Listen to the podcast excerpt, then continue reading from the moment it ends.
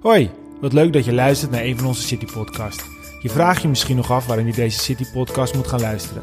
Nou, ten eerste omdat je waarschijnlijk meer wilt weten over de stad waar deze City Podcast over gaat. Ten tweede, je had natuurlijk een boek kunnen gaan lezen of je had kunnen gaan surfen op internet. Maar wat natuurlijk veel makkelijker en misschien wel veel leuker is, is luisteren naar deze City Podcast. Ten derde omdat het je niks kost. En ten vierde omdat wanneer je op weg bent naar je favoriete stad met de auto, trein of misschien wel met de fiets, je rustig naar deze City Podcast kan luisteren en je perfect kunt voorbereiden op je bezoek. In deze City Podcast vertellen we van alles over de geschiedenis, aanraders, absolute must-go's en andere toffe en belangrijke zaken die je niet mag missen of die je zeker moet weten als je deze stad gaat bezoeken. En dat allemaal zonder dat je ervoor naar op zoek moet op het internet of naar de boekenwinkel of de bibliotheek moet. En nogmaals, het mooie is, je hoeft er niets anders voor te doen dan te luisteren. In deze City Podcast vertellen we meer over de oude Zuiderzeestad Horen. Jaarlijks genieten vele duizenden mensen van Horen. Horen moet je zien, horen, proeven en voelen. Horen kent een hele rijke geschiedenis met een grote rol voor de machtige VOC, de Verenigde Oost-Indische Compagnie. De VOC die in de Gouden Eeuw zorgde voor veel Hoorse welvaart. Die Gouden Eeuw zie je nog steeds terug in Horen. En niet alleen in het oude centrum, maar natuurlijk ook in de historische haven. In Horen lijkt het dan ook wel of de tijd heeft stilgestaan. Je loopt in Horen niet door een historische stad, nee je ruikt en voelt de geschiedenis. Met een beetje geluk hangen de vissers hun netten te drogen aan de brug, wordt in de haven een oud schip opgeknapt en vertelt een echte Horinees je een prachtig verhaal. Bijvoorbeeld over de avonturen van de jongens op Bontekoe. Horen kent ook veel musea. Zo laat het Westfries Museum het verre verleden van de stad zien, terwijl het museum van de 20e eeuw een feest van herkenning is, voor met name de oudere jongeren onder ons. Met de stoomtram Horen Medeblik reist u in de tijd. Er is verder een prachtig winkelrondje waar veel bekende winkels, maar ook unieke zaken te vinden zijn. En grenzes aan dit winkelrondje vind je bijzondere winkels met bijvoorbeeld cadeauartikelen, boeken, antiek en curiosa. Maar er zijn ook heel veel verschillende galeries. De binnenstad en haven Hoorn is compact en alles is perfect wandelend bereikbaar. Lekker door de stad heeft gewandeld, dan kunt u heerlijk de beentjes trekken en rustig nagenieten op een van de vele terrassen in de haven of in de binnenstad. Maar goed, laten we eerst eens gaan starten met de geschiedenis van Hoorn. Belangrijk is om te weten dat Hoorn in de regio West-Friesland ligt. Hoorn is in de regio West-Friesland een van de grootste steden van de regio. Als stad zijn ze erg belangrijk voor West-Friesland. Aan het woord Michiel Bartels. Michiel is dé archeoloog van West-Friesland en vertelt over de geschiedenis van Hoorn en West-Friesland. Ja, Hoorn is een, uh, een, tegenwoordig een stad aan het Margemeer. Daarvoor was het uh, de Zuiderzee en daarvoor was het eigenlijk een groot veenkussen. En als we beginnen met de, de vroege middeleeuwen, of de hoge middeleeuwen, dan hebben we het over de periode van uh, rond 1000. Dan is heel West-Friesland een enorm groot veenkussen, waardoorheen allemaal veenriviertjes in het Almere lopen. Almere is zeg maar de Romeinse naam voor de grote stroom die later de Zuiderzee werd. Die veenriviertjes die heten leken. We hebben de Middenleek, dat wordt later Medemblik. We hebben de Outerleek, we hebben de Kromme Leek. En die stromen door dat gebied. Het is een hoogveen. Dat betekent dat er zoveel zoetwater naar beneden komt en niet weg kan stromen dat daar uh, een groot veenbos met veenmos gaat groeien. Dus het is een, en een onbewoond gebied waar heel veel flora en fauna is. En waar vanaf de Romeinse tijd, vanaf de ijzertijd eigenlijk, dat is zo'n 400 voor Christus, misschien zelfs eerder, al helemaal niemand meer woont. Het is dus een leeg en woest gebied, wat pas in de periode rond 700 bij Medemblik en later de periode rond 1100 om West-Friesland heen bewoond raakt. Wat er dan gebeurt, is dat er uh, kolonisten komen in dit gebied. Die kunnen uit het Kennemerland komen, dus uit de Duinstreek. Maar ze kunnen ook uit Friesland komen of van de overkant richting de Veluwe. En die trekken dit woeste gebied in. Die uh, veenriviertjes, die leken. Hè, neem bijvoorbeeld uh, Schellinghout. Daar kan je nog heel mooi zo'n zo'n stroompje zien. Die trekken dat gebied in en gaan aan beide zijden van die veenstroom het gebied ontginnen. En dat ontginnen gebeurt op een hele systematische wijze. En dat zie je nog steeds in het landschap terug. Ze graven gewoon vanaf die veenrivier recht het achterland in op systematische afstanden. Uh, greppels en sloten. En dat is het latere kadetjesland waar West-Friesland zo bekend over is. Nou, wat er gebeurt dan is dat uh, dat veenkussen, omdat het wordt gedraineerd door die ontginningssloten, gaat zakken. Het is aanvankelijk 4 tot 5 meter dik, denken we. Misschien nog wel dikker op sommige plekken. Uh, dat veen gaat inklinken. omdat het, uh, het, water wordt ontrokken, maar ook omdat het geakkerd wordt. Hè, dat, dat veen wordt omgeploegd en daar wordt van alles ingezaaid, zoals roggen. En dan ontstaan er kleine boerengemeenschappen waarvan de huizen op uh, kleine terpjes komen te staan. Die terpen zijn aanvankelijk nog niet nodig, want als dat veen hoog genoeg ligt, dan uh, overstroomt het niet. Want de zee is nooit ver weg in West-Friesland, hè, nog steeds niet. Waar als het hier hard waait, dan, uh, dan zie je dat het water over de dijk heen spat. Dat is dus de tijd rond 1100, 1150 dat het West-Friesland wordt gekoloniseerd. En dat gebeurt vanuit drie kanten. We zitten hier in midden- en oostelijk West-Friesland. Bijvoorbeeld vanaf Andijk gaat men naar het zuiden. En vanaf Henkhuizen, dus de voorloper van Enkhuizen, wat nu het Naviduct bij de Houtripdijk is, gaat men naar het oosten.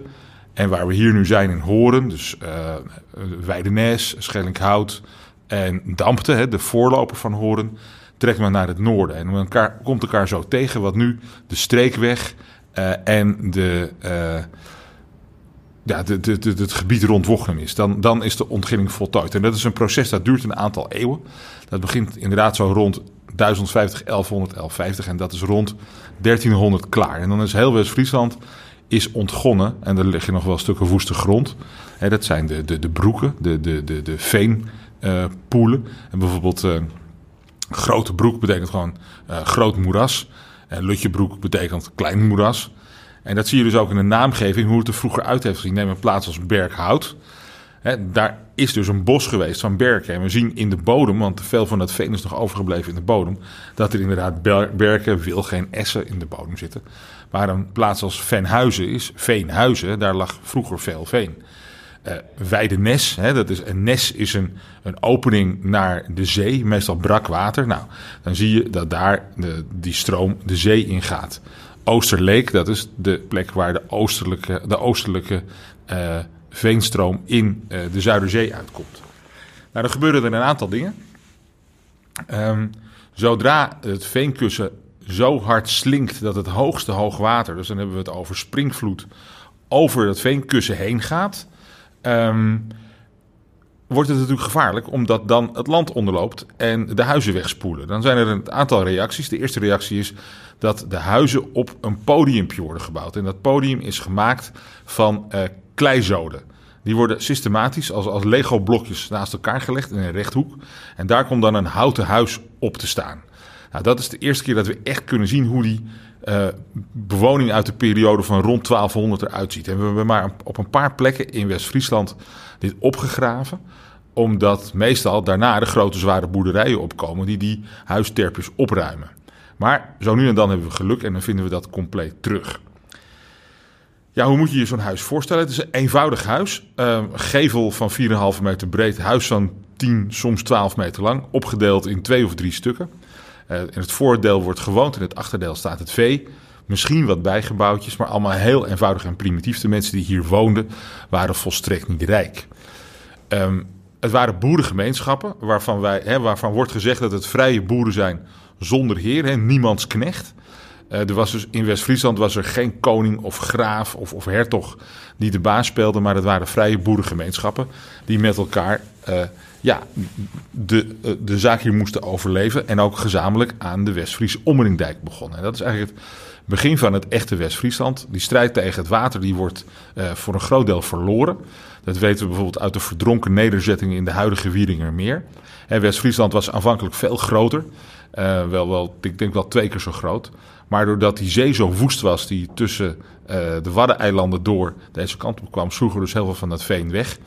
En zo rond, pak een beet, 1230 uh, is West-Friesland op zijn huidige grootte en kunnen ze een gezamenlijke dijk bouwen, een gemene dijk. Dat is een heel primitief dijkje, maar het is genoeg om die woeste zee buiten te houden. Nou, elk dorp bouwt zijn eigen stukje dijk. En een dijk is zo sterk als de zwakste schakel in die dijk. Dus die bevolking is erop gebrand om elkaar scherp te houden, om die dijk goed te onderhouden, zodat hij niet doorbreekt. Maar dat lukt maar ten dele. En die, die dijk breekt dus vol, veelvuldig door. En dan stroomt tot midden in West-Friesland de boel vol met zout water. En dan is er een probleem, want in die zoute omgeving groeit niks. En dan duurt het weer 6, 7 jaar voordat ze het zoute water eruit hebben. En er zijn nog geen molens. Hè. Het is allemaal met natuurlijk verloop met wat wij noemen klepduikers. Dus dan spoelt het water met eb naar zee. En met vloed uh, gaat de klep dicht en kan het water niet het achterland instromen. Ja, het zijn vrije boerengemeenschappen, hebben wij de indruk. Maar dat wekt natuurlijk ook de nijd van uh, de, de, de adel. De adel zit in Holland, hè, niet in West-Friesland, maar in Holland. Dat uh, zijn de latere graven van Holland. En die, uh, die hebben hun oog laten vallen op West-Friesland. Want het is een rijk en vruchtbaar gebied met veel weerbare mannen. Die weerbare mannen hebben ze nodig voor hun legers om, om zinloze oorlogen te voeren tegen andere graven. En dat, dat gewas wat eraf komt, hè, graan, tarwe, dat hebben ze nodig om uh, hun eigen mensen te voeden. Uh, en ze willen natuurlijk ook belasting heffen. En dat is de reden dat de graven van Holland een oorlog tegen West-Friesland beginnen. En die oorlog, die winnen ze. Maar daar hebben ze een zeer hoge prijs voor betaald. Maar in 1295, als ik het helemaal scherp heb, um, is West-Friesland veroverd door de Hollandse graaf. En dat is uh, Floris V. Die begint al eerder met zijn campagnes. Vooral omdat hij boos is dat de West-Friesen zijn vader, Willem II, hebben omgebracht in de strijd. Hij noemt dat vermoord, maar hij is ja, van zijn paard getrokken en toen uh, doodgeslagen. Zo gaat het in een oorlog. Um, en hij uh, bezet West-Friesland met zijn troepen. Zijn vader was dat niet gelukt omdat hij over land kwam met paarden. En het is natuurlijk heel drassig hier met die paarden door die sloten. Maar Floris V die zag meer in amfibische uh, zeg maar, uh, mariniersoperaties. Waarin hij vanaf het water West-Friesland benaderde. En ook langs dat water kastelen bouwde. Nou staan er een aantal in westelijk West-Friesland, in de buurt van Alkmaar. Maar er staan er twee in oostelijk West-Friesland, waarvan één in Medemblik, het Huis te Medemblik. Dat kennen we tegenwoordig als uh, Kasteel Radboud. Radboud was toen al lang vertrokken, als er ooit in Medemblik is geweest, maar dat is een ander verhaal. Um, en het Huis te Weidenes. Het Huis te Weidenes, dat uh, is een kasteel wat we nog steeds kwijt zijn. We proberen dat te zoeken met ons uh, onderzoek op de waterbodem, maar dat hebben we niet gevonden nog. Um, en dat staat daar. En de West-Friesen komen ergens in het begin van de 14e, nee, kort na 1200 komen ze, kort na 1300 komen ze in opstand. En slopen dan alsnog alle kastelen en ook het huis van Weidenes. Dat wordt niet meer opgebouwd. Kasteel Radboud in Medemblik wordt wel herbouwd. En dan, uh, ja, dan zien we dat de Hollandse graven hun uh, stalen grip op West-Friesland hebben gevestigd. Maar er ook tegelijkertijd voor zorgen dat die dijk in orde blijft. Dus uh, het heeft voordelen en het heeft nadelen dat is ook het moment dat um, de Zuiderzee echt zijn vorm krijgt. Doordat er steeds meer water tussen de Texel en het latere vasteland doorstroomt. Door het Marsdiep komt er ook steeds meer water in de Zuiderzee. We zien dan aan de oostkant van de Zuiderzee, waar stadjes als Elburg en Harderwijk en Kampen liggen, dat die economisch het goed doen, want die zijn op het Hanseverbond aangesloten. Steden als Keulen en Nijmegen en Deventer, dat zijn de grote Hansensteden. En daar profiteren die handelstadjes aan de oostkant van de Zuiderzee van. En die bloeien dan ook op, die zitten in het Hanseverbond. En die horen ook bij het, uh, het hertogdom Gelre. En dat is allemaal redelijk goed georganiseerd. Hier in Holland, stadjes als uh, Edam, Amsterdam, Monnikendam, Hoorn, Enkhuizen. Het is allemaal vrij klein en pril. Er gebeurt wel wat. Hè. Ze hebben wel een kleine handelsvloot en ze varen wel naar de Oostzee en Engeland. Maar echt uh, economische boom is er niet. Maar niettemin ze tellen wel mee, maar het zijn steden van regionaal belang. Dat gaat dan een hele tijd eh, best aardig. Er zijn een aantal grote ontwikkelingen. Bijvoorbeeld de poldermolen wordt uitgevonden. Dat betekent dat eh, ook als het hard regent en het, het, bodempeil daalt vanwege die inklinking van dat veen, je het water uit kan slaan. En we zien dan bij Enkhuizen aan het oosteinde van de tocht dat voor de Westfriese omringdijken er poldermolens komen om het water uit te malen. En dat gebeurt ook hier in de buurt van Horen. En het raakt steeds meer georganiseerd. Nou, die, die blokverkaveling die we hier hebben, vandaar ook woorden, naam als blokker, die blijft heel duidelijk in het landschap. Dat kadetjesland, dat wordt alleen maar mooier. Hè. Die kadetjes uh, die ontstaan doordat die, die uh, parallele percelen uh, met sloten spruts worden opgehoogd. Dus die sloten die worden geschouwd. Hè. Dat gebeurt nog elk jaar via het Hoogheemraadschap. Daar moet iedereen naar doen. En die gooi je die prut bovenop dat kadetje. En zo wordt het kadetje hoger en de sloten lager. Bij Medemblik en bij Twisk zijn er nog een aantal plekken waar je dat kan zien. Maar de ruilverkaveling in de jaren 50 tot en met 70 van de vorige eeuw, die hebben dat volledig opgeruimd. En na de ruilverkaveling is dat land allemaal geëgaliseerd en zijn die kadetjes verdwenen. Maar zo'n droge zomer als die van uh, 2018, dan zie je met de luchtfoto's, luchtkartering nu met drones, zie je die kadetjes weer terugkomen.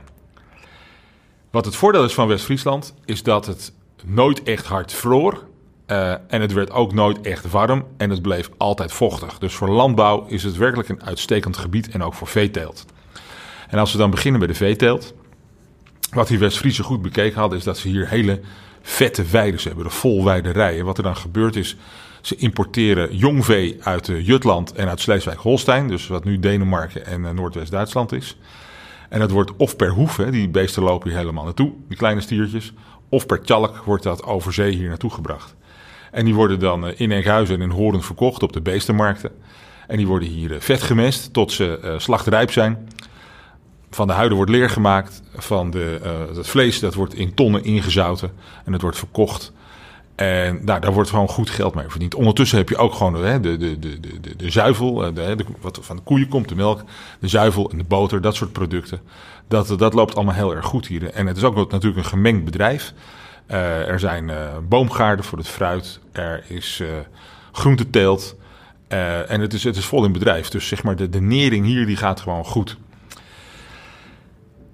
als je zo'n situatie zou hebben in een ander gebied in Europa en het gaat je economisch voor de wind en je hebt een, eh, een, eh, een adel die boven je staat, dan zeg je nou we gaan nog eens even een landje veroveren in de buurt en we pakken even een stukje erbij.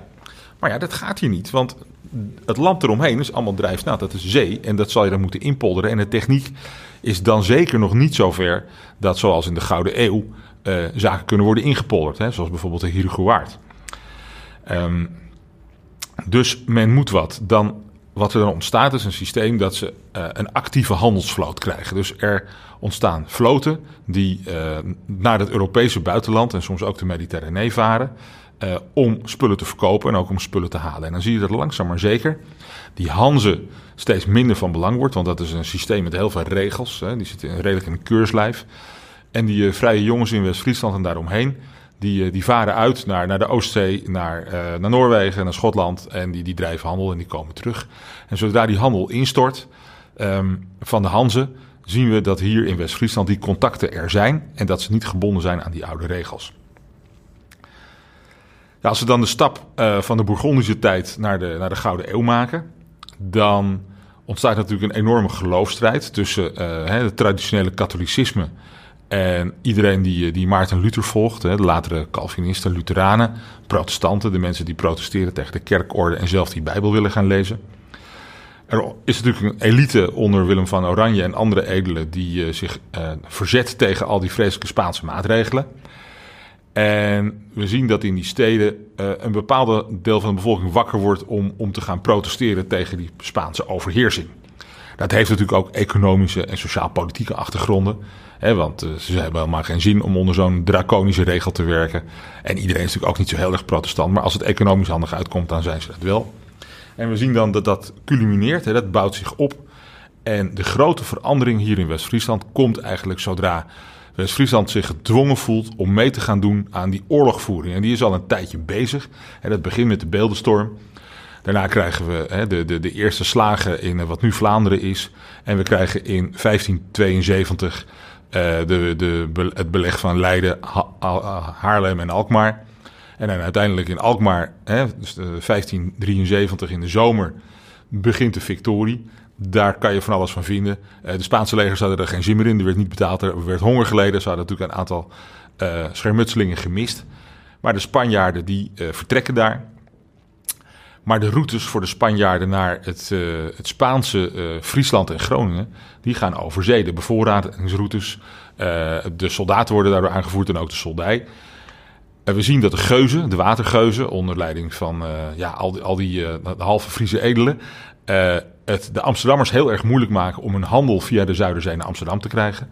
Dus al die zeegaten tussen Friesland en Terschelling tussen Texel en het vasteland daar wordt zeg maar gepatrouilleerd en die Amsterdamse handelsschepen worden in beslag genomen en de buit opgegeten, opgedronken of verkocht. Die Amsterdamse handel raakt gefrustreerd. Die Amsterdammers beginnen echt last te krijgen van die opstandelingen, die protestanten, die watergeuzen. En samen met de Spanjaarden maken ze daar een armada, een grote vloot, die in Amsterdam wordt gebouwd. Hè, we zeggen ook wel het perfide Amsterdam. En die, um, stoomt op, die is dan klaar en die stoomt op om die West-Friese een lesje te leren en die zeeweg naar Groningen, Friesland open te houden. Hier zitten ze ook niet stil. Uh, in Monnikendam, Edam, Horen, Enkhuizen wordt er een, uh, een, vloot in elkaar gezet. Uh, van vissersschepen, van koopvaarders en enkel iets wat op een oorlogsschip lijkt, maar nog zeker geen admiraliteit, hè, de voorloper van de marine. En die wagen het erop om, zeg maar, als David tegen Goliath, uh, de Spaanse vloot aan te pakken.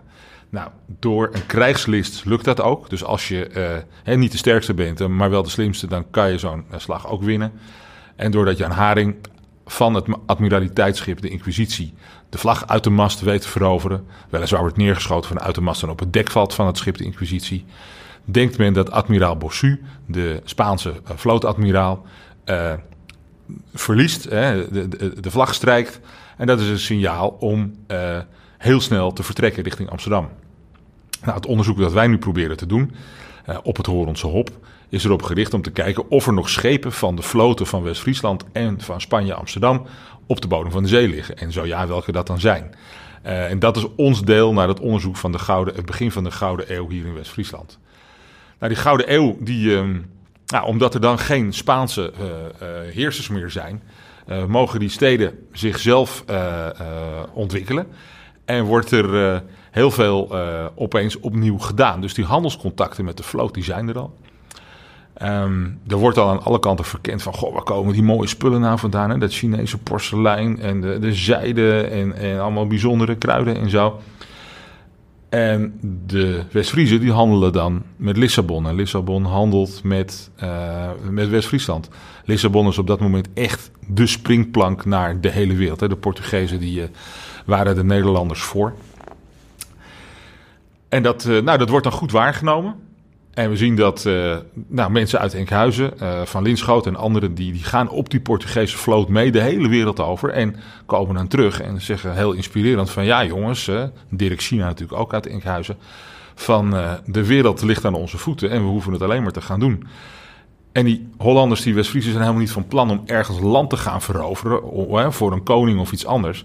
Die willen gewoon handel drijven en geld verdienen. Dat, dat kapitalistische element en dat Calvinisme, uh, van uh, als je hard werkt en bid, vroom bent, en eh, dan mag je best wel geld verdienen. Dat, dat slaat echt heel erg aan. Dat is wat we dan hier zien en wat eigenlijk de, de sleutelfactor is tot die welvaart in de Gouden Eeuw. Dat trekt natuurlijk ook heel veel mensen van buiten aan. Nederland is al eeuwen een land van immigranten. Hè. De arme Pruisen en Letten en Zweden en alles wat geen cent te makken heeft, dat komt hier om te helpen in die Gouden Eeuw. En vaak in de onderste rangen, matroos of, of za uh, plankenzager of anderszins. En dan zien we dat die, dat die stad begint te bloeien. Er ontstaat, er staat een kapitaalsinvestering. Dus er zijn handelaren die gaan over het kapitaal. Er zijn handelaren die gaan over uh, de vlootuitrusting. Er gaan handelaren die over de, de expedities gaan. En die handel wordt ook netjes verdeeld. De grootste handel is de moedernegotie op de Oostzee. Dus naar steden als Danzig, het huidige Gdansk en Riga, Koningsbergen. Um, daar, daar wordt het echte geld verdiend. Hè. De graanschuur van Pruisen, dat is waar de kurk op drijft. En wat je dan ziet is dat Horen zich uh, met name specialiseert in de bulkhandel. Dus hout, teer, pek, uh, wol, uh, graan, roggen. Dat komt allemaal in schepen hier naartoe. En dat wordt dan daarna weer verkocht. Hè. De, de, Amsterdammers, dat zijn de, reder, dat zijn de reders en die doen de kapitaalinvestering. En de Horinezen, die, zijn zeg maar de, de, de, vrachtbedrijven. Dat zijn de grote vrachtwagens waar alle spullen in zitten. En dat zijn die, die schepen. Daar is ook het verhaal van het fluitschip. Dat als ze uh, door de Sond varen, dus tussen het huidige Denemarken en Zweden, dat de oppervlakte van het dek equivalent is aan hoeveel belasting die wordt betaald. Dus er wordt hier, zegt men, een schip ontwikkeld met een, een zo klein mogelijk dek met zo'n groot mogelijke bulklading onderin zodat door die SOND uh, weinig belasting wordt betaald. En die SOND-tolregisters die zijn allemaal bewaard gebleven. Die kennen we ook, dus we weten precies wie wanneer met wat voor materiaal door die SOND heen voert. En het gaat niet over één scheepje, maar het gaat echt over honderden schepen per jaar. Als we dat dan uh, vergelijken met uh, de andere bedrijven, dus de, de, de mensen die naar de, de Noordelijke IJszee voeren voor de walvisvaart, of die de straatvaart deden hè, op de Middellandse Zee, dat is allemaal kleiner van aantal, maar wel exclusief. Hè. Dat, dat, uh, die, spullen uit het noorden die zijn uh, nodig. Die komen van Archangel, uh, Noord-Rusland. Um, vanuit Noorwegen, IJsland. Hè, daar, komt, daar komt vis vandaan en, zalm en, en hars en, en bevervellen, noem maar op. Um, de Atlantische kust, is van belang. Hè? Bijvoorbeeld de streek rond Bordeaux voor de grootschalige wijnimport. Want er is heel veel wijn geïmporteerd uit dat gebied. En dat zien we ook terug in wat we in de bodem vinden. Hè? Al die allemaal Franse snuisterijen. En dan zo richting Portugal, waar uh, eikenhout, kurk, uh, alles wat uit China komt, werd uh, geïmporteerd. En we vinden in de bodem van West-Friesland, ook in de eenvoudige huizen, vinden we bijvoorbeeld Portugees pinglazuur aardewerk. De meest mooie dingen, het mooiste Portugese aardewerk uit die begin van die Gouden Eeuw, 1650, 1600, 1600, 1650, dat vinden we hier in West-Friesland. En de Portugezen, onze collega's, staan altijd hun ogen uit te kijken wat we hier weer aantreffen. Ze varen daar natuurlijk ook, uh, nadat er met de Spaanse koning een, een deal is gemaakt, de Mediterranee in. Voornamelijk naar, naar Genua, maar ook naar, naar Venetië. Venetië heeft dan erg veel last van de, de aanvallen van, van het Turkse leger. Die, die staan voor de poorten van Venetië. En de ooit zo machtige republiek heeft het heel erg zwaar. Maar ze worden bevoorraad door West-Friesland met, met tarwe en met rogge. Dat weten we uit de historische bronnen. We hebben bijvoorbeeld ook in boven Karspel een zegel van een Venetiaanse doge, een stadskoning gevonden. Die waarschijnlijk onder een contract hing met een of andere bovenkarspelse bevrachter. Dus dat, dat gaat ver. We vinden veel spullen uit de Mediterranee hier. Uh, glaswerk, keramiek, olijven, olijfolie, kruiken, et cetera. Wordt grootschalig hier geïmporteerd. Dus die luxe op tafel die, eh, die vind je echt wel terug. Ehm, en dan is het natuurlijk eh, de twee compagnieën van ver, de West-Indische Compagnie later en eerst de Oost-Indische Compagnie. Daar wordt natuurlijk heel veel over opgegeven. En natuurlijk ook als je kijkt naar de expedities die ze doen, is dat eigenlijk um, ja, buitennissig. Ze gaan met hele kleine scheepjes zonder behoorlijke navigatie, met weinig getraind personeel aan boord, naar de andere kant van de wereld varen. Je moet je voorstellen alsof je achterom de maan vliegt zonder behoorlijke navigatie en zonder kaarten. En dat, uh, nou, dat zijn interessante expedities, want uh, ze schoppen het ver. Hè. Ze varen de Portugezen achterna en komen dan in, in Zuid-India terecht, uh, op Ceylon, in, in Indië, wat later Nederlands-Indië zal worden. En daar worden, ja, daar worden overal forten opgezet, handelsposten. En dat is waar ook Jan-Pieter zoon Koen dan de, hè, de baas wordt in Indië. En dan zien we dat later de West-Indische Compagnie opgericht wordt, met name gericht op Midden-Amerika en Zuid-Amerika, Brazilië. Venezuela. Waar nu eigenlijk alleen nog van die handelsposten uh, de benedenwindse eilanden zoals Curaçao van over zijn. Nou, de handel zit daar uh, vooral in het zout. Hè, de zoutwinning. Het zout is heel belangrijk hiervoor. Het zouten van de haring, het maken van kaas, noem maar op. Uh, dat wordt wel buiten het octrooi van de West-Indische Compagnie gehouden. en die gaan over tabak en suiker en dat soort zaken. Nou, daar is ook het hele slavernijverhaal wat daarmee komt spelen. Van dat die West-Indische Compagnie zich toelegt op de handel in in slaven vanuit West-Afrika naar Zuid-Amerika en Midden-Amerika. Ja, dat is een van de vele zwarte bladzijden die je wel vaker ziet in, uh, in handelssituaties. dat uh, de een enorm het slachtoffer is van de ander. Maar goed, um, zo is dat nou eenmaal. Wat je in Horen ziet, is dat de stad zich uitbreidt. Natuurlijk niet zo enorm als Enkhuizen. Maar de stad breidt zich langzaam maar zeker uit met een eerste en een tweede schil. De stadsvallen worden verplaatst. Horen heeft nooit echt stadsmuren gekend. Dat heeft ermee te maken dat het aanvallen van Horen vanaf de landzijde gewoon een slecht idee is. Hè. Er is zoveel prut en sloten dat je eigenlijk alleen in de winter kan aanvallen. En dan is een stadswal met wat torens wel genoeg. Aan de zeezijde breidt Horen zich fors uit met heel veel havens. Dus bijvoorbeeld waar nu uh, de velden van Hollandia, voetbalvereniging Hollandia zitten, daar lag de grote VOC-haven, die is gedempt later. Ik hoop dat die ook nog wordt opengegraven, dat we daar uh, weer een soort VOC-situatie terugkrijgen. Maar de eilanden zoals het Oostereiland en het Visserseiland, die liggen er nog steeds. Um, we zien dan dat de scheepsbouw toeneemt. De houthandel neemt toe. Hè. De, de grote hoeveelheden hout die uh, uit Noorwegen worden ingevoerd en midden-Zweden, die, die zijn onvoorstelbaar groot. Want in West-Friesland is al lang geen hout meer. Hè. We hebben plaatsen als uh. Nou, er staat geen boom, uh, berkhout, er staat geen berk. Dus al dat hout wordt geïmporteerd. Dat is aanvankelijk eiken en later ook grenen. Grote palen, balken, planken. Die worden verscheept vanuit de havens in zuidelijk Noorwegen. Daar hebben we hele mooie bronnen van. En dat vinden we ook terug. Omdat we grote stukken van de Westfriese Ommeringdijk hebben opgegraven. Die um, voorzien zijn van, van een paalwering. En al die palen die komen uit Noorwegen. En als je nu in Noorwegen bent en je loopt daar langs de fjorden of je ziet ze Dan zijn die fjorden, die bergen zijn allemaal kaal. En dat is onze schuld. Ook een beetje die van de Noorden, want die hebben nooit opnieuw aangeplant. De Zweden wel, de Noorden niet. En dat, eh, nou, dat is een zeer gunstige handel. De zaagmolen wordt uitgevonden. Hè, zo langs de Zaan worden planken gezaagd en dan gaat het allemaal veel sneller. Hoef je niet meer met de hand te zagen. En op dat moment uh, zien we dat die hele houtindustrie, die hout kopen, hout verwerken, hout timmeren, hout tuinen, dat komt allemaal op gang. Maar wat interessant is, is dat die verdediging aan de waterzijde van die steden, dat geldt voor Medemblik, dat geldt voor Enkhuizen, maar ook voor Horen, die is er eigenlijk niet. En dat is heel raar. Want als je dus die steden wil aanvallen vanaf het water, dan, dan is het eigenlijk wide open. Maar ze voelen zich zo uh, veilig, omdat je natuurlijk eerst door de Noordzee moet komen, waar uh, de vloot vaak klaar ligt te wachten.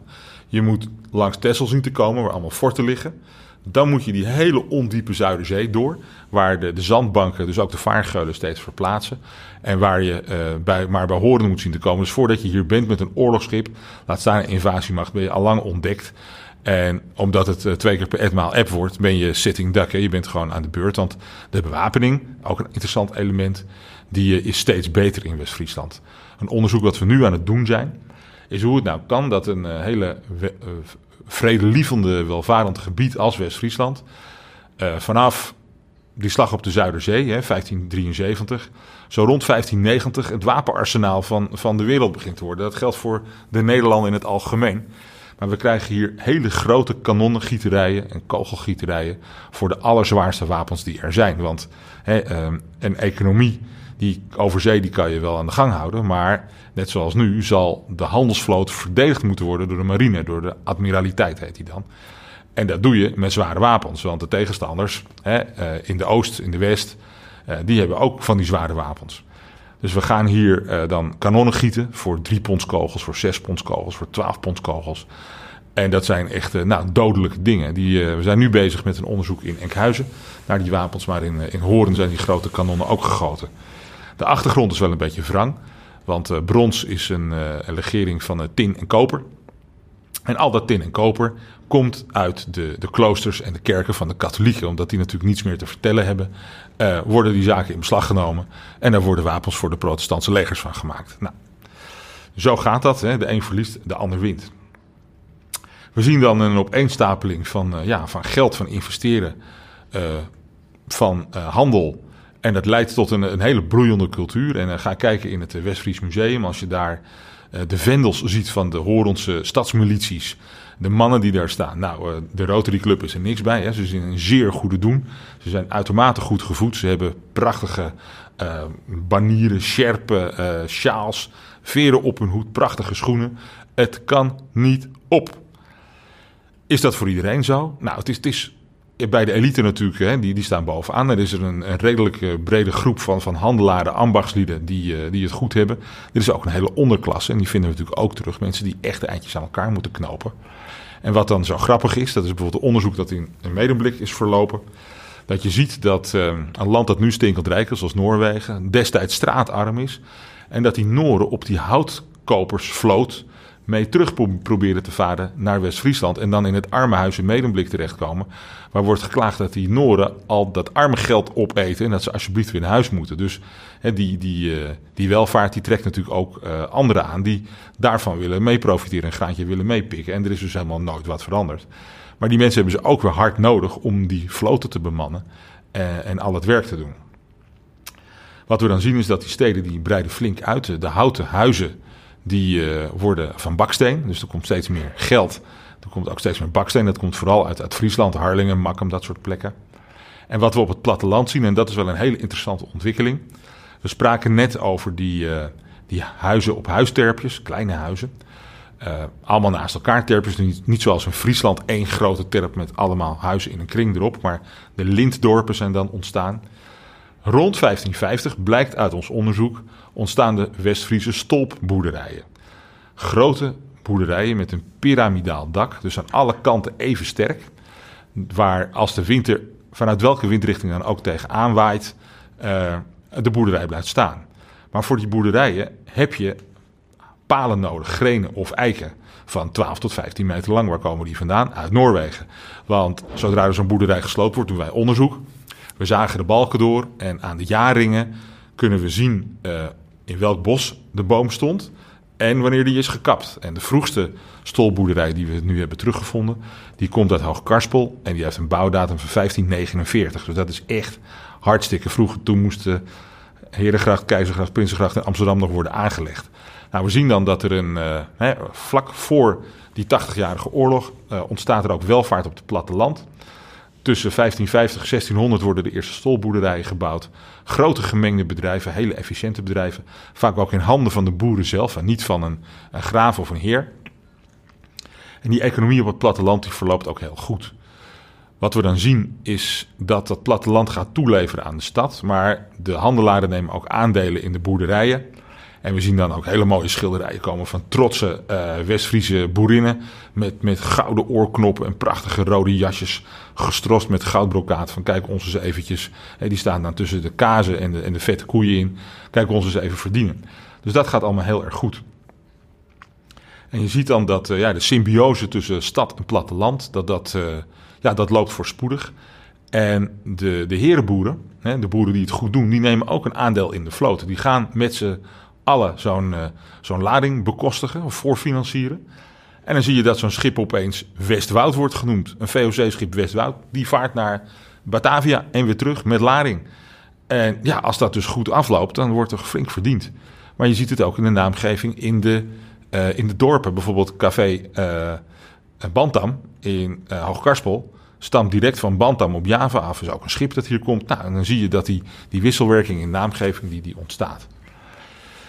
Dat, uh, dat versterkt elkaar en dat blijft elkaar versterken tot op een gegeven moment de klad erin komt. En dan hebben we de periode na uh, 1670, 1680. Dan is de haring in de Zuiderzee al lang op. Hè, die is door de Enkhuizenaren weggevist. De haring in de Noordzee is er nog wel, maar door, bij de Doggersbank. Er wordt hard gevochten met de Engelsen om onder andere de vis en de visrechten.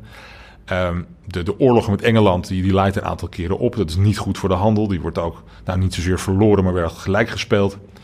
En je ziet dat Nederland het moeilijk begint te krijgen. En eigenlijk geen uh, oplossing heeft om dat het hoofd te bieden.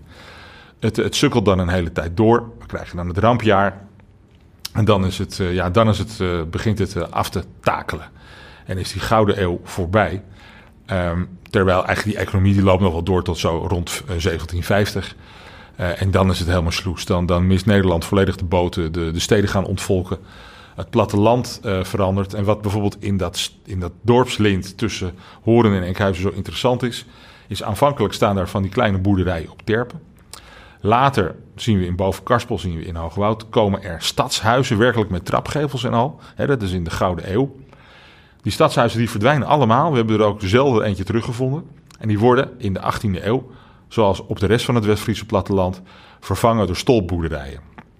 En dan zien we tussen de Koepoort in Enkhuizen en Horen op dat West-Friese platteland heel veel stolboerderijen op terpen verschijnen. En daar staan er nog maar een paar van, een klein aantal. Het waren er eerst honderden en nu zijn het nog tientallen. En als we niet uitkijken zijn het straks nog enkele.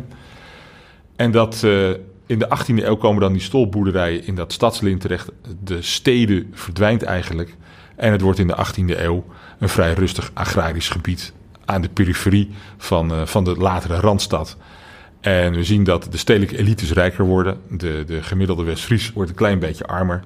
En het uh, kabbelt hier zo voort. De grote havens die, uh, die verlanden, de industrie trekt weg.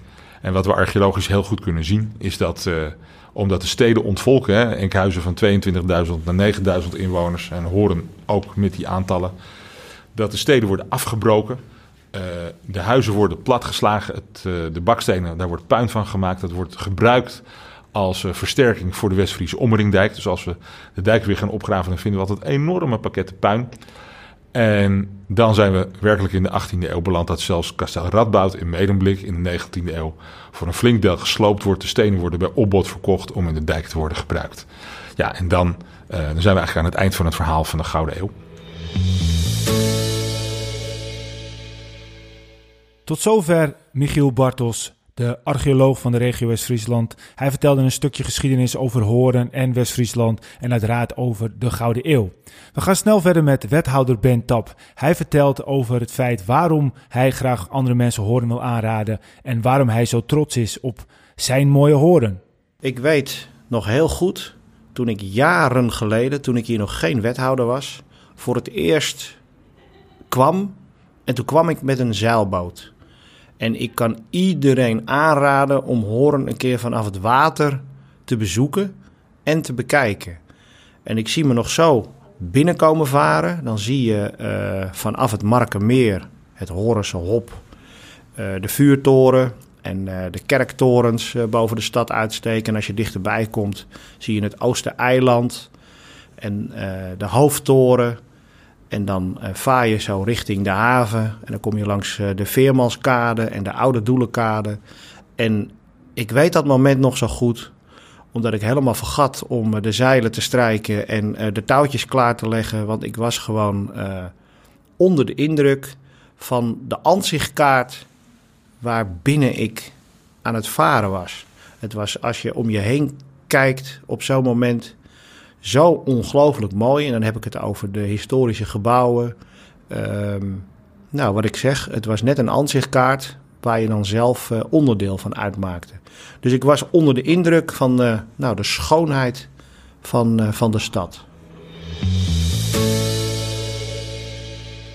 Ik denk dat wij het meest trots zijn op het feit dat de wethouders en gemeenteraadsleden in de afgelopen, nou, misschien wel 100 jaar zuinig zijn geweest op onze stad.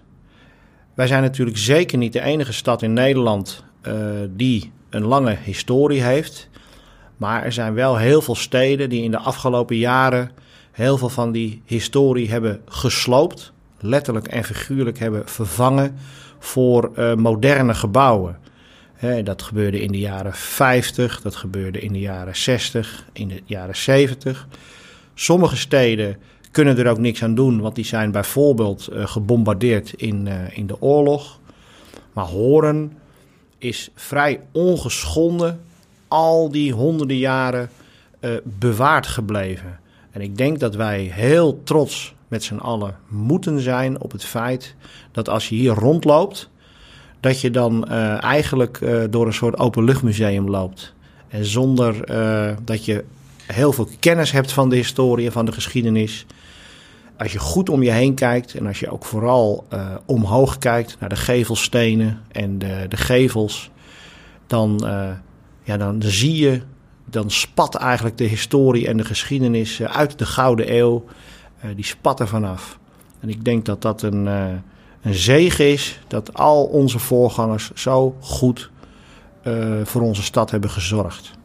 Maar uniek aan Horen is dat het allemaal op loopafstand van elkaar ligt. Je kunt laat ik zeggen, een ideale. Ik beschreef net mijn, mijn eerste kennismaking met horen vanaf de boot. Heel veel mensen kennen horen uh, omdat ze het zeilend of met een andere varend voertuig hebben aangedaan. Maar vanuit de haven, je kunt vanuit de haven je verkenning in horen beginnen. Uh, maar ook heel veel mensen komen natuurlijk met de trein. Ik zeg overal waar ik het maar kan dat het vanaf het Amsterdam Centraal Station naar het Horenstation maar 32 minuten met de trein is. En iedere keer levert dat verbaasde blikken op. Maar ik kan het niet goed genoeg benadrukken hoe dichtbij Horen bij de grote stad Amsterdam ligt. En als je dat zou doen als bezoeker, als toerist, en je loopt dat station uit, dan kun je eigenlijk in, uh, nou pak een beetje een uur of twee, tweeënhalf, alle facetten van Horen uh, ontdekken. Je kunt uh, de West-Friese omringdijk bezoeken en belopen. Je kunt de haven, de oude historische haven, beleven. Je kunt uitkijken over uh, het Markenmeer, het, de voormalige Zuiderzee. En je kunt genieten van die prachtige historische gebouwen. En allemaal op loopafstand en allemaal binnen een paar uur ook te, ja, te bekijken. Dat maakt Horen uniek. En de meest gehoorde opmerking van mensen die voor het eerst in Horen zijn, is nagenoeg altijd: ik wist niet dat Horen zo mooi was. Horen is een soort groot bewaard geheim. En het wordt tijd dat we dat geheim aan de hele wereld gaan vertellen. Laat ik beginnen met uh, zeggen dat de Gouden Eeuw natuurlijk niet alleen een eeuw was uh, waarin goede dingen gebeurden. Maar dat er in de Gouden Eeuw, zeker met de kennis van nu, ook zeker eh, heel wat zwarte bladzijden zijn. Uh, dus we moeten ook oppassen dat we de Gouden Eeuw en onze Horinezen, die daar een belangrijke rol in hebben gespeeld, niet te veel ophemelen. Um, maar we kunnen er niet omheen dat Horen destijds, in de 17e eeuw, het middelpunt van de wereld was. En als ik dat nu zeg in 2019, klinkt dat misschien wel een beetje arrogant. Maar het is echt zo. We waren een, uh, enkele jaren lang zelfs uh, belangrijker dan uh, bijvoorbeeld de grote stad Amsterdam. En al helemaal belangrijker als landen die nu het wereldtoneel beheersen. Want Amerika moest nog ontdekt worden. Dus vanuit Horen en vanuit de VOC-kamer Horen, waar de heren 17 de scepter zwaaiden, werden heel veel ontdekkingsreizen bedacht en ook ondernomen. En niet alleen omdat men geïnteresseerd was in handelsroutes uh, naar Indië en naar de Oost. Maar uh, de Horinezen en de West-Friezen, die heersten letterlijk op alle wereldzeeën. En op het moment dat we in die tijd werden geconfronteerd met klimaatverandering, eigenlijk net als nu, het werd namelijk 2 graden kouder in de, aan het einde van de Gouden Eeuw wisten die West-Friezen en die Horinezen daar weer op een hele slimme manier van te profiteren. Want de gevolg van die temperatuurdaling was dat bijvoorbeeld in uh, Europa en in, in Nederland en in Duitsland overal de graanoogsten mislukten. Nou, graan was destijds het belangrijkste ingrediënt om bijvoorbeeld brood van te maken, maar zeker ook om bier van te brouwen. En die slimme uh, West-Friezen die gingen vervolgens met schepen uh, dat graan gewoon halen verderop in Europa en verderop in de wereld waar het wel uh, te krijgen was. Nou, vervolgens is in die Gouden Eeuw ook, zijn er zoveel handelsbetrekkingen aangeknoopt. En waren met name ook weer die Horinezen zo slim om niet op één product te focussen. Dus ze waren niet alleen sterk in de handel in graan, maar ze gingen ook naar met name het huidige Scandinavië voor hout. Er was namelijk heel veel hout nodig, niet alleen om huizen te bouwen, maar vooral om schepen te bouwen. En uh, er werd zout gekocht. En dat werd ook nog eens allemaal met elkaar geruild. Dus hout voor zout en zout voor graan. En uh, eigenlijk uh, is er in de Gouden Eeuw een moment geweest dat er een paar honderd schepen, die allemaal eigendom waren van de Verenigde Oost-Indische Compagnie, die waren actief op alle wereldzeeën. En die waren in Indië en die waren in uh, Europa. En ja, zeg maar vanuit Horen werd de hele wereldhandel bestierd. Daar werd overigens ook heel veel geld mee verdiend. Wat ik heel bijzonder vind, is dat in die tijd ook het fenomeen van de aandelen is bedacht. Wij hebben hier in Horen, in het Westfries archief, nog steeds het oudste aandeel ter wereld uh, liggen. Daar zijn we natuurlijk ook heel zuinig op. En als je tegenwoordig kijkt naar de handel uh, in Wall Street en op ons eigen beursplein 5, dan kun je dus zeggen dat het principe van de, de, de, de BV, de besloten vennootschap en de naamloze vennootschap en eigenlijk de hele multinationals gebaseerd op mensen en investeerders die één of meerdere aandelen konden kopen en ook mede-eigenaar konden zijn van een bedrijf en dus ook meedeelde in de winsten. Dat principe is uitgevonden hier in Horen. En ja, ik kan er nog uren over vertellen. Eén ding wil ik nog wel niet onvermeld laten. Want uh, Horen speelt op een aantal plekken uh, in die Gouden Eeuw een hele belangrijke rol. Bijvoorbeeld onze stadsgenoot Jan Pieterszoon Koen, de gouverneur van de VOC, die ook uh, het uh, in Indonesië, Batavia, heeft gesticht, heeft opgericht. Dat was geen lievertje overigens, die, die reageerde daar met harde hand. En ook, ook hij heeft zeker wel daar behoorlijk huis gehouden. Maar Jan Pieterszoons Koen was wel een Horinees die ook nou ja, aan, aan de andere kant van de wereld regeerde en ook heel veel stadsgenoten daar ook weer ontmoeten. En een ander heel memorabel feit vind ik de uitvinding van onze eigen Horense Liorne. Want Lionne is de uitvinder van een heel bijzonder type schip, namelijk het fluitschip. En misschien mag ik het verhaal van het fluitschip nog even vertellen. Want uh, toen Lionne begon met uh, zijn tekeningen van het fluitschip, kwamen alle scheepsbouwers en alle uh, reders kwamen kijken. Want dat was een heel bijzonder ontwerp. Het was namelijk een schip met bovenin een heel smal dek en een hele bolle buik. Dus een hele grote laadvermogen. Maar het was een heel bijzonder ontwerp. En in eerste instantie zeiden alle mensen die er verstand van hadden, of dachten dat ze er verstand van hadden, uh, laat die Leone maar. Uh, maar dat wordt helemaal niks. Want wat een raar ontwerp. Zo bouw je geen schepen. En dat gaat helemaal niet lekker varen. En bovendien is het ook nou, gedoemd om te mislukken. Maar wat had de Leone nou bedacht? Ten eerste was door een smal dek kon je dat schip varen met minder personeel. Nou, we weten nog steeds, heden ten dagen, dat een bedrijf runnen met minder personeel, uh, dat scheelt in de kosten. Dus dat was heel slim. Maar de, de, de allerslimste vondst, vond, vond ik, vind ik nog steeds, is dat hij daarmee de koning van Denemarken te slim af was. Want de schepen van de VOC, ik zei net al, die waren veel in uh, Zweden, Noorwegen, Denemarken voor, uh, voor hout. En ook spullen die wij hier weer maakten om die daar weer te verkopen. En al die schepen moesten door de Sond. Uh, de, dat is de, het water tussen Denemarken en, en Zweden. En dan moest je tol betalen. En die tol die werd geheven door de koning van Denemarken op basis van de afmetingen van je bovendek. Dus die Liorna had een heel smal bovendek gemaakt, waardoor hij heel weinig belasting betaalde. Hij kon bezuinigen op zijn personeelskosten, want hij had heel weinig mensen nodig.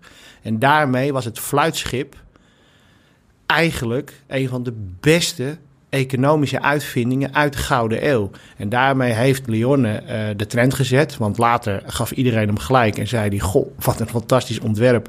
En er werden hier en in de Zaanstreek honderden fluitschepen gebouwd. En met name door die fluitschepen, die Horense uitvinding... Ja, ging het letterlijk voor de wind. Horen is heel ambitieus. En uh, soms moet je ook gewoon een beetje geluk hebben. En dat geluk hebben we omdat het MBTC, het Nederlands Bureau voor Toerisme en Congressen, 2019 heeft uitgeroepen als Rembrandt en Gouden Eeuwjaar. En toen wij daarvan hoorden, hoefden wij niet heel lang na te denken. Want in het Gouden Eeuwjaar kan er maar één stad zich profileren als dé stad van de Gouden Eeuw. En dat is Horen. En wij gaan dus 2019 gebruiken om ons als gemeente Horen echt op de kaart te zetten in binnen- en buitenland als de stad van de Gouden Eeuw. Met heel veel activiteiten en evenementen en uh, routes. En, nou, ik zou zeggen, kijk op uh, www.stadvandegoudeneeuw.nl. Daar, daar kun je alles vinden wat er de komende maanden allemaal te doen is. Ik zou, als je het leuk vindt, er nog wel één of twee hoogtepunten uit kunnen lichten. Maar belangrijker is nog dat we tegen elkaar hebben gezegd: de stad van de Gouden Eeuw, dat ben je niet alleen in 2019. Dat ben je natuurlijk ook in 2021 enzovoort. Dus onze visie is: wij uh, munten de term Stad van de Gouden Eeuw nu in 2019. Dus daar gaan we veel reclame voor maken. Je zult uh, de komende maanden geen krant open kunnen slaan en geen televisieprogramma kunnen kijken. Zonder wel ergens iets over horen en de Gouden Eeuw uh, tegen te komen. Maar daar gaan we niet in 2020 weer mee stoppen. Dus wij blijven de komende jaren ons afficheren als de stad van de Gouden Eeuw. Die in die periode, nou ja, de belangrijkste stad op de hele wereld was. Inclusief het verhaal van de Zwarte Bladzijde. Ook dat gaan we vertellen. Maar uh, we moeten onze geschiedenis niet verlogenen. We moeten er eerlijk over zijn. Maar we moeten het ook niet wegstoppen. Zo denken wij erover. Dus we gaan gewoon aan de hele wereld vertellen wat er allemaal is gebeurd in de Gouden Eeuw. Welke rol Horen daarin uh, speelde. Ja, en dat gaan we de komende jaren gaan we dat, uh, gaan we dat doen. En uh, nou ja, uh, ik zei al, wat mij betreft uh, zijn er tientallen leuke evenementen. Laat ik er dan één noemen, die vind ik echt heel bijzonder. Want vanaf na onze kermis, onze kermis die overigens 350 jaar oud is, ook dat is iets wat al stamt uit de Gouden Eeuw en de periode daarna, um, krijgen wij op ons centrale plein, wat vroeger de Kaasmarkt heette, wat we tegenwoordig de Rode Steen noemen, daar zou je ook nog prachtige verhalen over kunnen vertellen um, krijgen wij een, een, project dat heet Videomapping. En een bedrijf wat heet Mr. Beam. Die komt met hele grote professionele beamers. Uh, eh, 40 avonden lang. Dat worden 40 zwoele zomeravonden. Een, een prachtige presentatie verzorgen op de gevels van die historische panden waar ik het net over had. Dus ik nodig alle luisteraars van deze podcast uit. Want uiteraard wordt dat een gratis voorstelling. Kom in augustus en september een van die 40 avonden naar Horen. Kom op tijd, zodat je ook de mooie stad kunt bezoeken. Maar sluit je avond af. Dus ga niet terug naar huis voordat je die prachtige presentatie hebt gezien. Want ik heb daar wat voorproefjes van gezien. Er is inmiddels ook een trailer van. Dat is nog nooit vertoond. Dat wordt uniek. En uh, ik denk dat daar heel wat publiciteit ook uh, voor door wordt gegenereerd. Maar nou, je moet het straks zien om het te kunnen navertellen en om het te kunnen geloven. Uh, dit is bijna niet te beschrijven. Daar moet je gewoon bij zijn. Dat moet je gewoon meemaken. En ik denk dat dat een van de hoogtepunten wordt van ons Gouden Eeuwjaar. Tot zover wethouder Ben Tap. We gaan verder met Stefan Kraf van Ermel.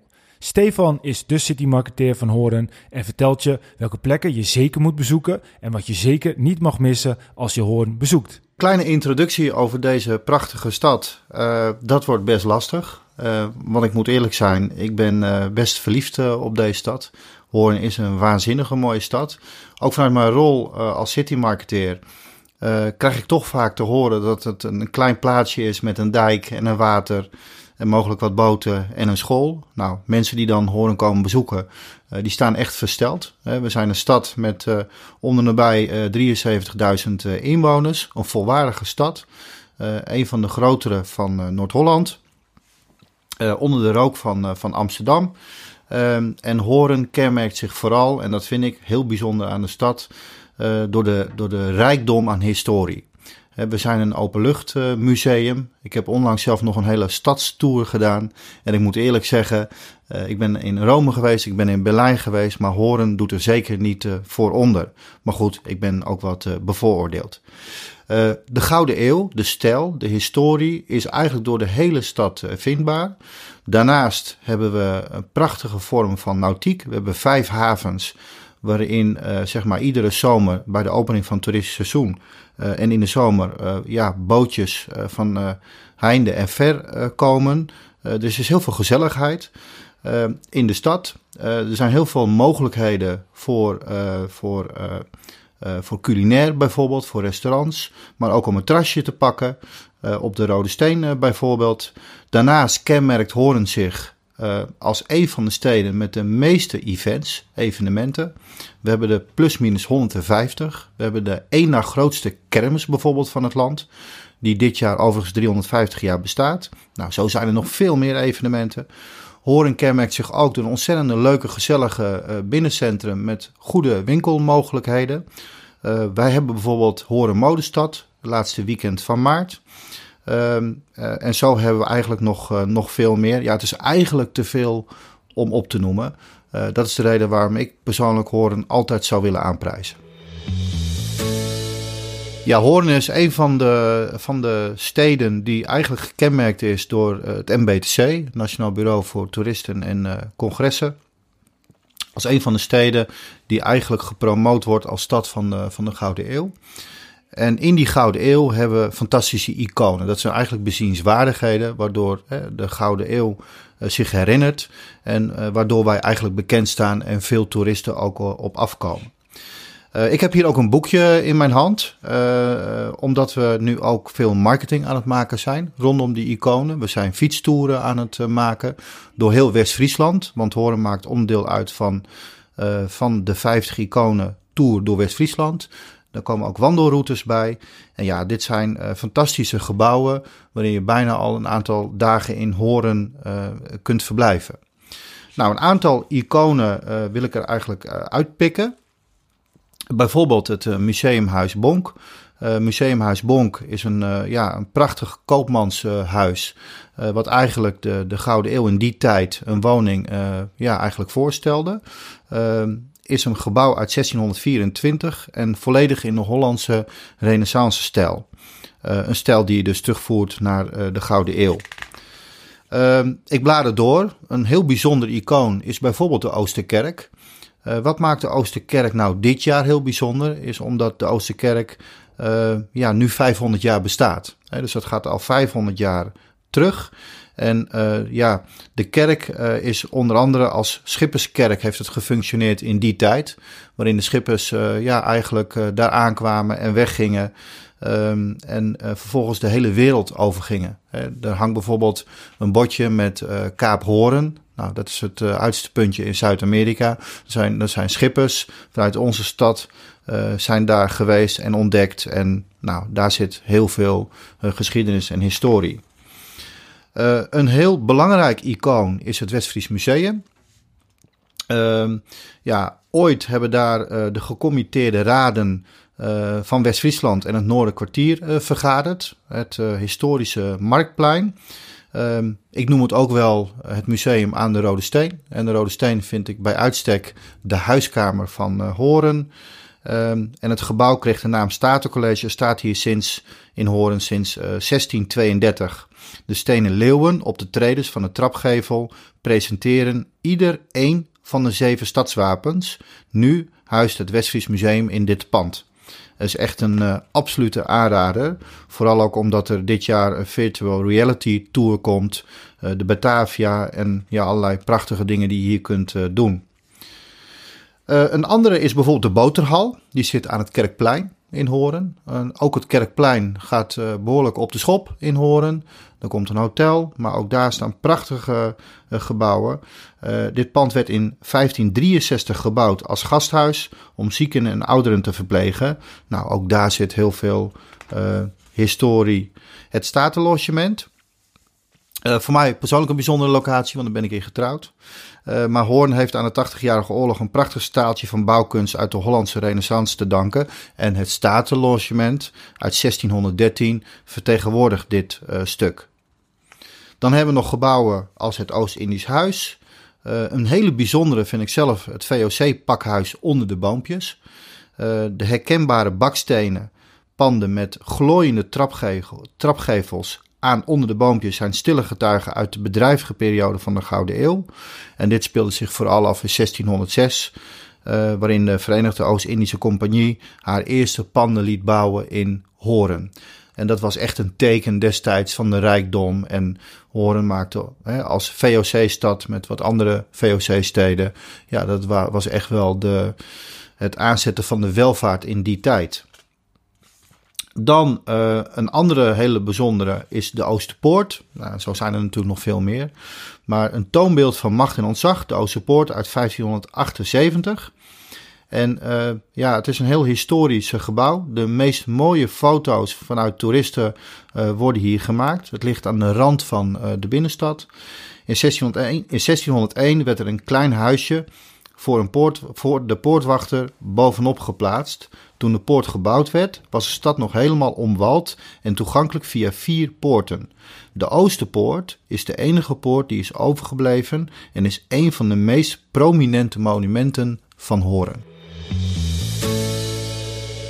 Als ik zelf uh, Horen zou bezoeken, uh, zou ik uh, absoluut, nadat ik de 50 iconen heb bezocht, zou ik mijn dag afsluiten in Horen onder, een, ja, onder het genot van, van een van een versnapering dan wel een mooie maaltijd. Nou, je kan bijvoorbeeld terrasjes vinden vanaf het begin van de stad, vanaf de Kleine Noord, helemaal doorlopend uh, naar de Hoornse straatjes. Uh, en zo kom je bijvoorbeeld aan via het Kerkplein of de Rode Steen.